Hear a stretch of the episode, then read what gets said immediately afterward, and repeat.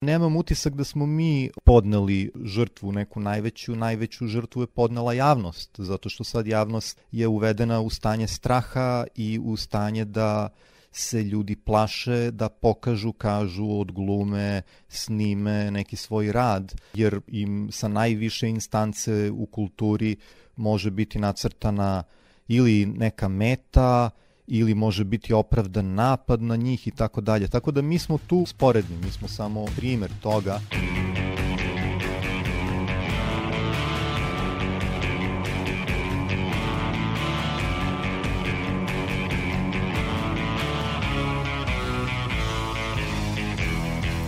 Slušate podcast Reaguj nezavisnog društva novinara Vojvodine. Moje ime je Iva Gajić, a na podcastu rade i Aleksandra Bučko, Sanja Đorđević, Irina Čučković i Nemanja Stevanović. U poslednje vreme je kao da živimo u društvu u kom nešto ne valja sa kulturom. Nije to do kulture naravno, to je do odnosa države, odnosno institucija, a zatim i društva prema njoj. Samostalni umetnici ostali su isključeni od pomoći države, iako su se za vreme vanrednog stanja dokazali i iskoristili virtualni prostor kao svoju scenu. To se rešilo jednokratnom minimalnom pomoći posle naravno pritiska javnosti.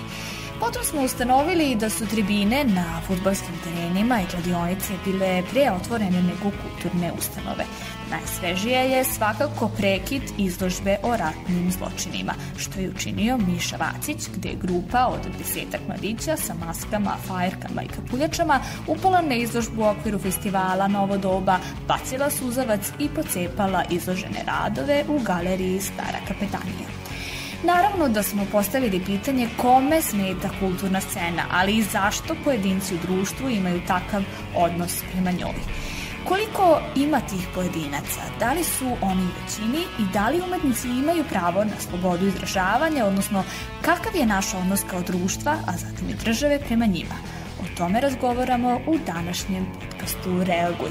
Jedan od mnogobrojnih napada, ali poseban jer je direktan, bio je upad 15 mladića na izložbu strip grupe Momci u okviru festivala Novo doba u Zemunskoj galeriji Stara kapetanija. Javnost je na društvenim mrežama burno reagovala i pre napada zbog jednog crteža sa te izložbe. Kenkavac, koji predstavlja kenkavu bebu kojoj viri sekera iz glave. Bez obzira na to što je kontekst crnohumorni pristup i vreme kada je nastalo izostalo iz reakcije, grupa huligana je najavila upad, što su organizatori i autori prijavili policiji koja nije reagovala. Ipak čitava izložba je uništena. Nikola Vitković, jedan od autora strip grupe Momci, za podcast reaguje i kaže da nema utisak da je strip grupa podnela najveću žrtvu, iako su ih tabloidi i javnost na internetu ocrnili, brutalno kritikovali i satanizovali.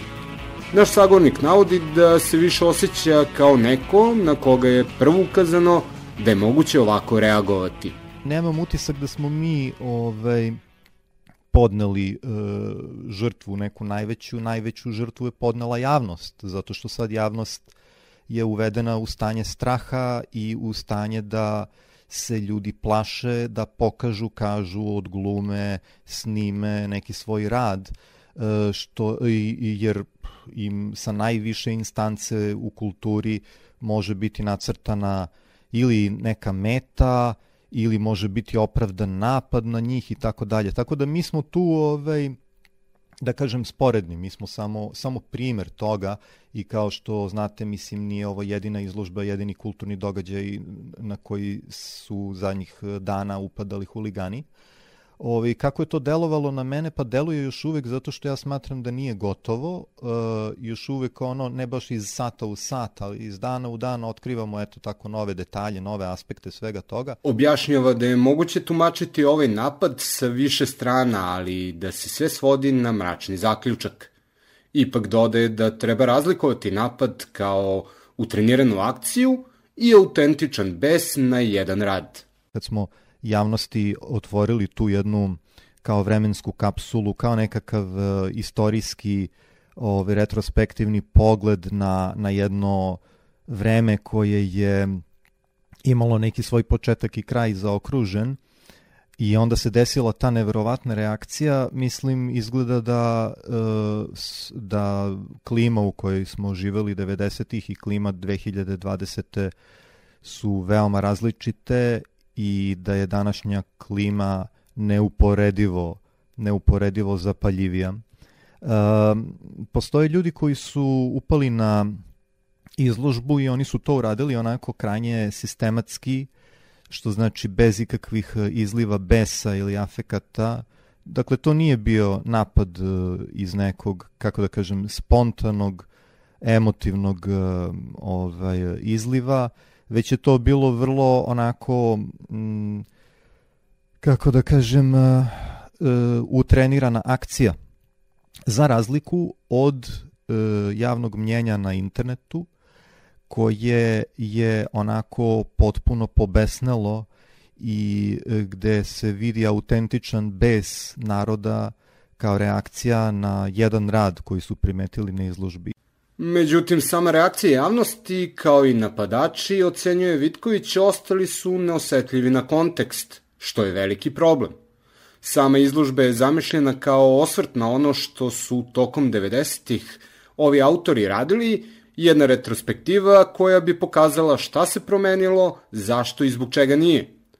Reakcije su bile bez hvatanja konteksta, ali zato burne.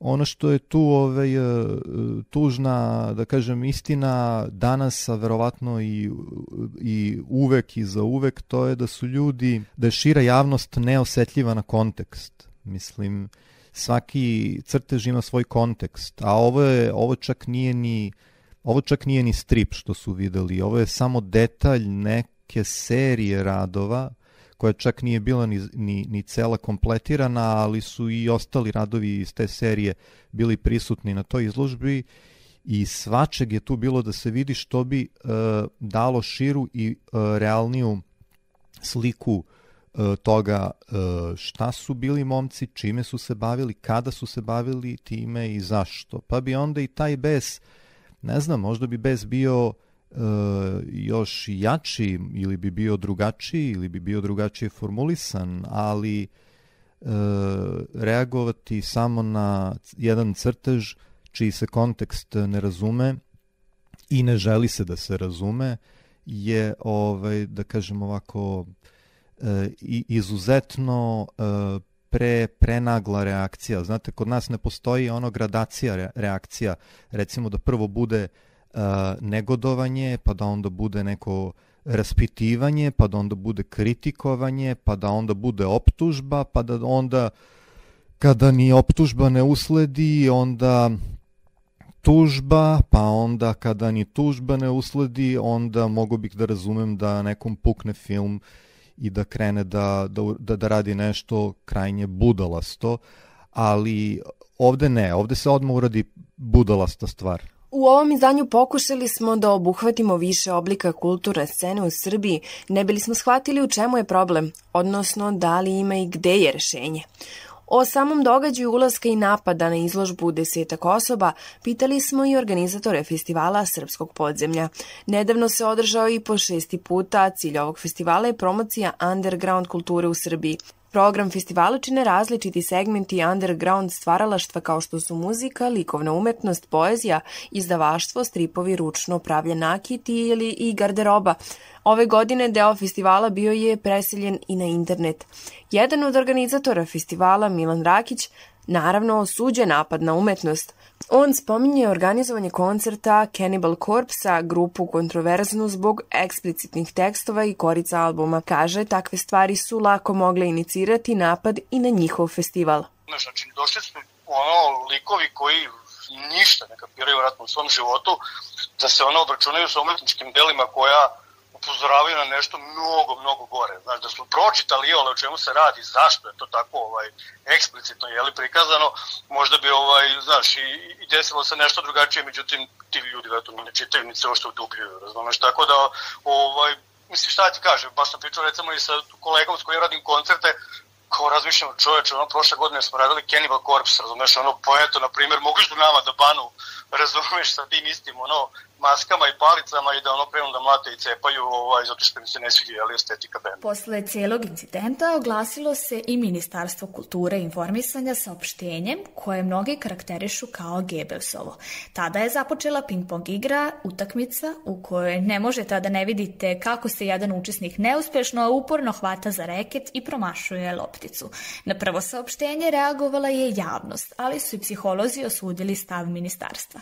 A zatim je ministar Vlada Vladan Vukosavljević odlučio da napiše otvoreno pismo u kom je lično kritikovao novinare Nina i Vremena. Zamolili smo Stefana Janjića, stručnjaka kada je u pitanju analiza i dekonstrukcija medija, da uradi upravo to. Dekonstruiše to što se dešavalo u saopštenjima i koje poruke su poslate. I rekao bih da u tom svetlu posebno zabrinjavajući ti ad hominem napadi. Ja mislim da, da bi neko ko drži do svoje elementarne pristojnosti vodio više računa kako sklapa svoje rečenice u četu, u nekoj neformalnoj komunikaciji, u razgovoru sa svojim članovima porodice, nego što je to ministar učinio, vrlo svestan toga s koje pozicije izgovara svoje reči, kome ih upućuje, na koji način ih upućuje, na koji način upotrebljava sajt Ministarstva kulture kao kao sajt jedne institucije, a ne njegov privatni blog.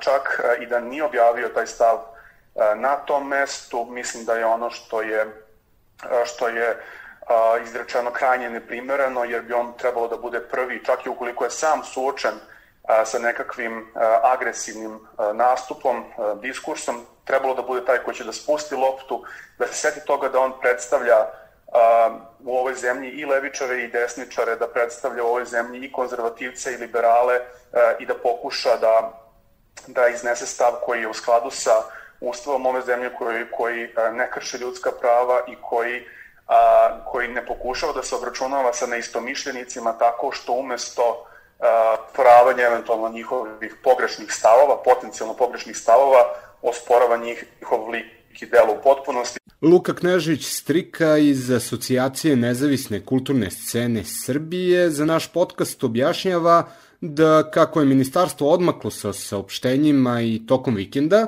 sve je poprimilo lični ton, jer je odlazeći minister mogao sebi da da oduška nakon četiri godine, jer je znao da neće biti na toj funkciji u novoj vladi. S druge strane, stvar koju, koju nekako je postajala jasna kako je to ovaj, razmenjivanje saopštenja se dešavalo i zaista Ministarstvo kulture i u subotu i u nedelju, mislim, nikad nikada nisu toliko aktivno se bavili svojim poslom, iako je ovo što sad radili nije bio njihov posao, ali su ga radili u ime ministarstva tokom cijelog mandata ovaj, odlazećeg ministra, koliko u tih nekoliko dana i jasno je da je to negde bilo davanje sebi oduška. Ja mislim, oni su kroz delovanje pokazali da deo umetnika i deo umetnosti ne žele da zastupaju, žele da na neki način i, i diskriminišu, i on nekako sada su ovaj, rekli sve ono što misle, jer, jer su negde znali da a, neće više biti neće više biti na toj funkciji. Nikola Vitković, umetnik, navodi da kao i 90-ih oni danas deluju iz podkulture, iz underground kulture i ne očekuje da ga ministarstvo podrži u radu, a kamoli da ima neku lepu reč. Ipak očekuje od države da se ovakvi napadi ne dešavaju ili makar spreče. Zauzimam poziciju iz koje ja od ministarstva ne očekujem ništa.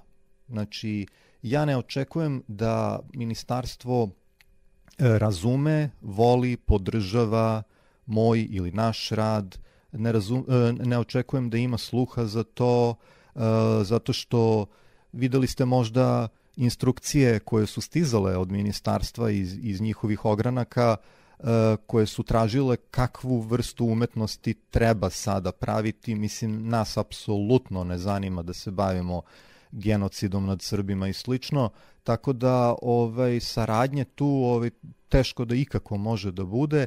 Jedino što očekujem od od države kao građanin jeste da se ovakvi napadi najstrožije kažnjavaju, da se za početak spreče kada se najave, a najavljeni jesu bili i prijavljene su bile te najave i nije potrebno biti nikakav ono Sherlock Holmes da bi se otišlo na društvene mreže i videti ko je najavio, kada i šta se sve desilo.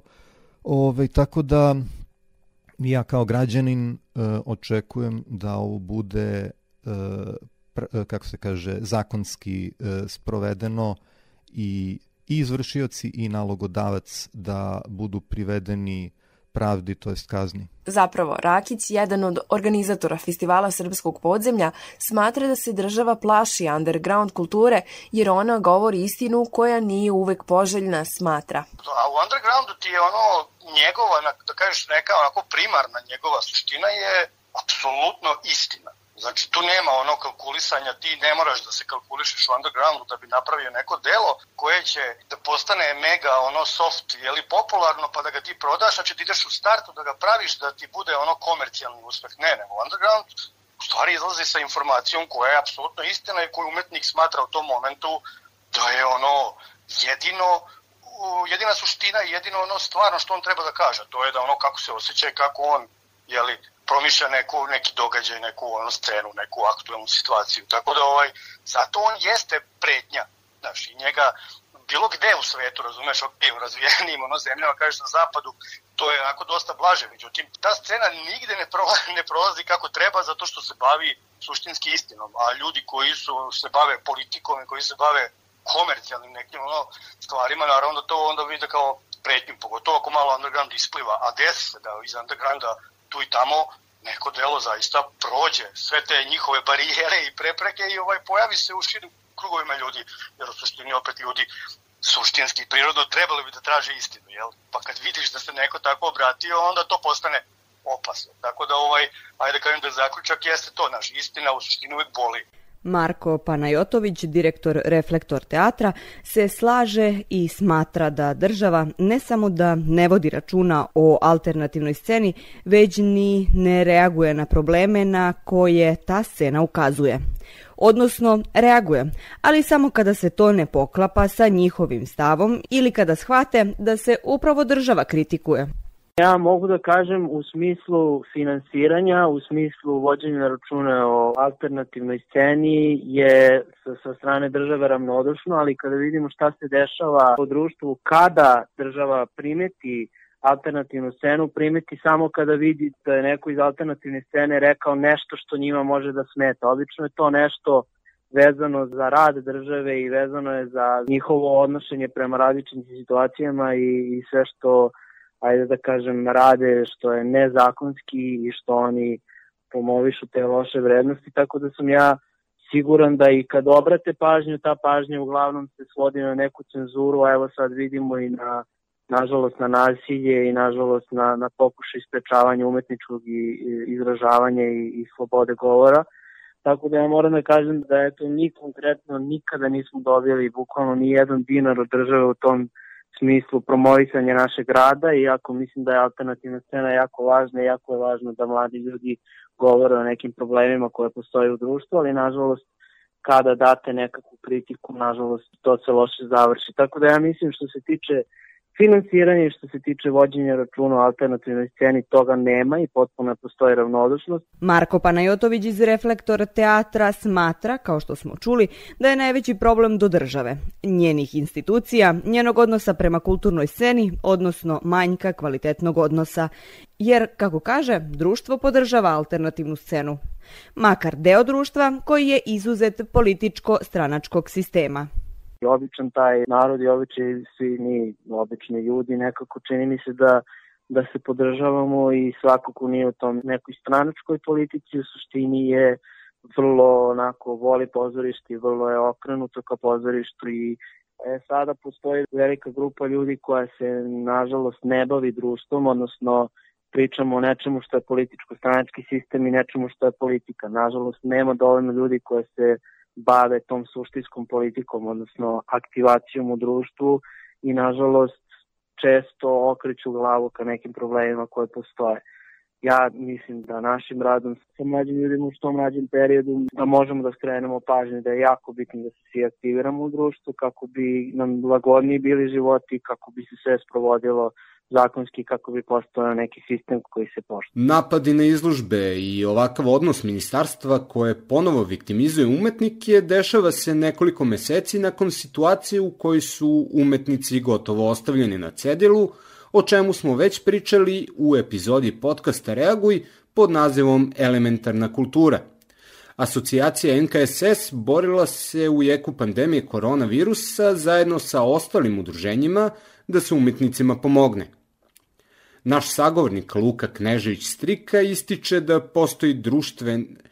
Naš sagovornik Luka Knežević-Strika ističe da postoje društvene grupe koje su bile ugroženije tokom pandemije, ali da su na cedulu ostali oni umetnici koji nisu zaposleni, pa su do primanja dolazili putem kratkoročnih projekata koji su bili zaustavljeni naletom korone. Dugo obećena pomoć stigla je umetnicima, ali samo onima koji su bili privljeni preko udruženja kao slobodni umetnici. Dobar deo njih nije mogao tako da dođe do pomoći, pa su asocijacija NKSS, ULUS, ULUV, Stanica za savremeni ples i Bazart pokrenuli poziv za fond solidarnosti. A, problem sa tim je što a, iz raznih razloga raznim ljudima bilo nemoguće da imaju taj status a, i razni ljudi koji vrlo doprinose ovaj, da kažem, umetničkoj sceni i, i, i savremenom stvaralaštvu u ovom društvu a, su bili u jednako teškoj situaciji, ali ministarstvo nije našlo za shodno da se time bavi. A, asocijacija NKSS zajedno sa, sa ULUS-om, s ULUV-om, stanicom Savremeni ples i Baza Artom, koji su a, svi reprezentativna udruženja, je zapravo pokrenula poziv i, i, i tražila pomoć da nađemo način da pomognemo i nekima od ljudi koji koji nisu ovaj, bili pokriveni kroz fond solidarnosti uh, i obratili smo se i, i kolegama i građanima i nekim od ovaj, uh, nekim od fondacija koje, koje, ovaj, koje su razumeli, razumeli tu situaciju i uh, takođe sproveli taj jedan poziv uh, za, za, jednokratnu, za jednokratnu pomoć uh, i pokazalo se u stvari i po, po ogromnom odzivu na toj poziv na koji se prijavilo oko hiljadu i po ovaj, umetnika i nažalost smo imali mogućnost i, i neku kategorizaciju kriterijume da, da dodelimo 150, oko 150 ili nešto više ovaj, tih, tih jedinica pomoći i to je ovaj i to je umeđu vremenu sprovedeno jer smo smatrali da je važno da na neki način uh, i pokušamo da pomognemo i, i, i negde shvatimo koliko je, koliko je, ovaj, koliko je situacija teška. Ako pričamo o podršci kulturne sceni, u potrazi za rešenjem otišli smo i u neke od država Evropske unije. Uvideli smo ne samo rešenja, već i probleme na koje danas nailazi kulturna scena u pojedinim državama. To smo uradili jer je deo ekipe podcasta Reaguje na akademskoj razmeni u Belgiji i Hrvatskoj. Tako možemo makar malo da osluhnemo region. Helena Ernović, hrvatska muzičarka i basistkinja rock grupe Svemir, kaže da ne radi kao profesionalna muzičarka i da ne živi od muzike. Kao i sve njene kolege u bendu imaju dodatni posao, jer samo od muzike trenutno ne mogu živeti. Ono što, što znam i što je svakako za pohvalu je da su neke krovne institucije uh, u Hrvatskoj e, pokrenule, pokrenule i potaknule da se ipak osigura neka financijska pomoć e, ljudima koji žive od glazbe, e, ne znam, tipa Hrvatska glazbena unija i slično, su se dosta zalagali da se pomogne. I to je definitivno za svaku pohvalu, ali generalno za kulturu mislim da mislim da vlada nije imala sluha i mislim da ju konstantno zanemaruje, pogotovo kad krenu sa malo suludim idejama za restrikcije, a e, također me smeta i mišljenje javnosti. Recimo imali smo situaciju gdje se pobunila Nina Badrić, koja je rekla, gledajte ljudi, mi ne možemo živjeti, nemamo, e, nemamo financijske prihode. E, ljudi su se na to dignuli, idi kopat krompire. Ljudi ne razmišljaju da to nije samo Nina Badrić u pitanju. Konkretno, evo sad nju uzimam, ali e, vrijedi za druge glazbenike da tu postoji cijeli bend koji je iza tog izvođača, koji također živi od tog plaćenog nastupa e, da su tu također ljudi koji će, gdje tonac, koji će paziti na zvuk, ljudi koji će sastaviti pozornicu, ljudi koji su zaduženi za rasvjetu. Dakle, to je jedna cijela mašinerija, a isto tako je tipa i u kazalištima i u drugim sektorima kulture. Dakle, uvijek nije jedna osoba, nego jako puno ljudi živi od toga i zapravo me smeta što je dobar dio javnosti uopće nije razmišljao o toj pozadini, već su onako malo krenuli sa drvljem i kamenjem. A zapravo nije sjajno ni u Belgiji. Početkom avgusta nastao je pokret pod nazivom Sound of Silence ili ti zvuk tišine, pomoću kojeg je belgijski event sektor izrazio nezadovoljstvo povodom nedovoljne podrške vlade koje su tokom pandemije koronavirusa dobili. Sound of Silence referenca je na ćutnju vlade kao i na signal za pomoć SOS, objasnio je sektor u otvorenom pismu koje su potpisali belgijski festivali, menadžeri umetnika, muzički klubovi i kulturni centri. Naša sagovornica i event menadžerka iz Belgije, Anne Pascal Momerensi, objašnjava da su preduzetnici i razni drugi sektori dobili podršku vlade u vidu financija, jer im je normalan rad bio onemogućen ali i da event sektor to nije dobio. Bez obzira na to, naša sagovornica objašnjava da ima i pozitivnih strana u svemu ovome, jer kako kaže, kolege iz event sektora su se zbližili i povezali baš zbog pokreta Sound of Silence.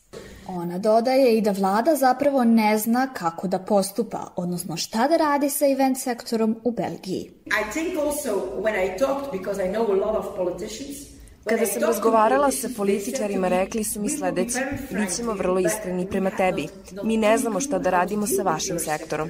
O čemu ovde pričamo? Da li tu pripada neko iz sektora za kulturu, glumac ili pričamo o svetlima, o sajmovima, o kongresima?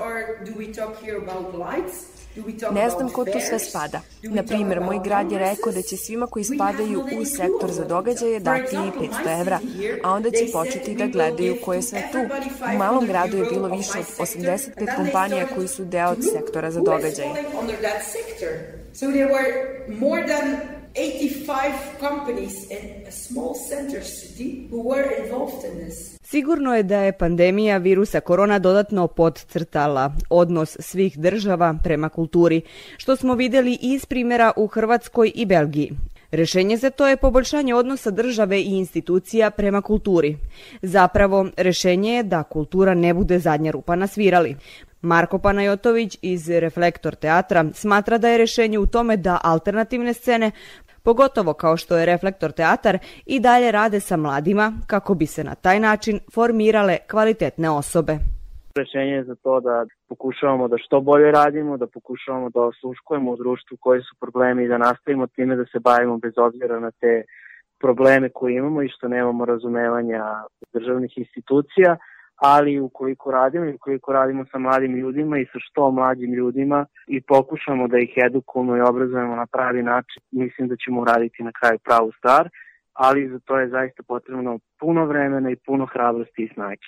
Dvostruka opasnost koja se nadvela nad umetnošću, s jedne strane koronavirus, sa druge strane odnos države prema umetnicima koji se razlikuju od poželjne matrice, može se ublažiti ukoliko se naučano pomognu umetnici putem raznih platformi za crowdfunding, navodi Luka Knežević-Strika iz asocijacije Nezavisna kulturna scena Srbije. Iako kaže da umetnici nikada neće moći na miru da žive i stvaraju, naš sagornik navodi da je moguće stvoriti klimu gde je rad moguć, a tu je potrebno uticati na institucije koje bi to omogućile. Mislim da, da bi se situacija promenila, neophodno je da insistiramo i nalazimo načine da, da objasnimo institucijama da ovaj, da je neophodno stvoriti takvu klimu i takve uslove da je rad moguć, ne samo kroz institucije, a, nego i kroz nezavisno delovanje, kroz vanjni socijalni sektor. Reaguj 34 završavamo podacima na koje nam je ukazao Luka Knežević Strika. U pitanju je istraživanje koje je sprovodio Centar za empirijske studije kulture iz Niša koje kažu da nezavisna scena produkuje i do 50% sadržaja koji se stvara u našoj državi, a uslovi za rad i prostor koji se dobija je užasno mali, sa tendencijom smenjivanja, javnom osudom i odmaganjem umesto podrške. Vidimo da situacije nisu mnogo bolje ni u drugim državama, ali to nikako ne opravdava loš odnos države i institucija prema kulturnoj sceni koji naravno i gradi odnos između većinskog društva. Ako imate iskustvo koje želite da podelite sa nama i našom zajednicom, pišite nam na našim društvenim mrežama ili na mail adresu podcast.ndnv.org. Naš rad možete pratiti na kanalima na iTunesu, Stitcheru, Castboxu, Sounderu, Google podcastima, kao i na sajtu podcast.rs. Ukoliko želite da nas podržite, uradite to baš šerovanjem, komentarom, deljenjem svoje priče ili preko sajta donations.ndnv.org. Naš rad možete da podržite i ako podelite ovo izdanje na socijalnim mrežama, na Facebooku, Twitteru i Instagramu. Važno je da svi reagujemo.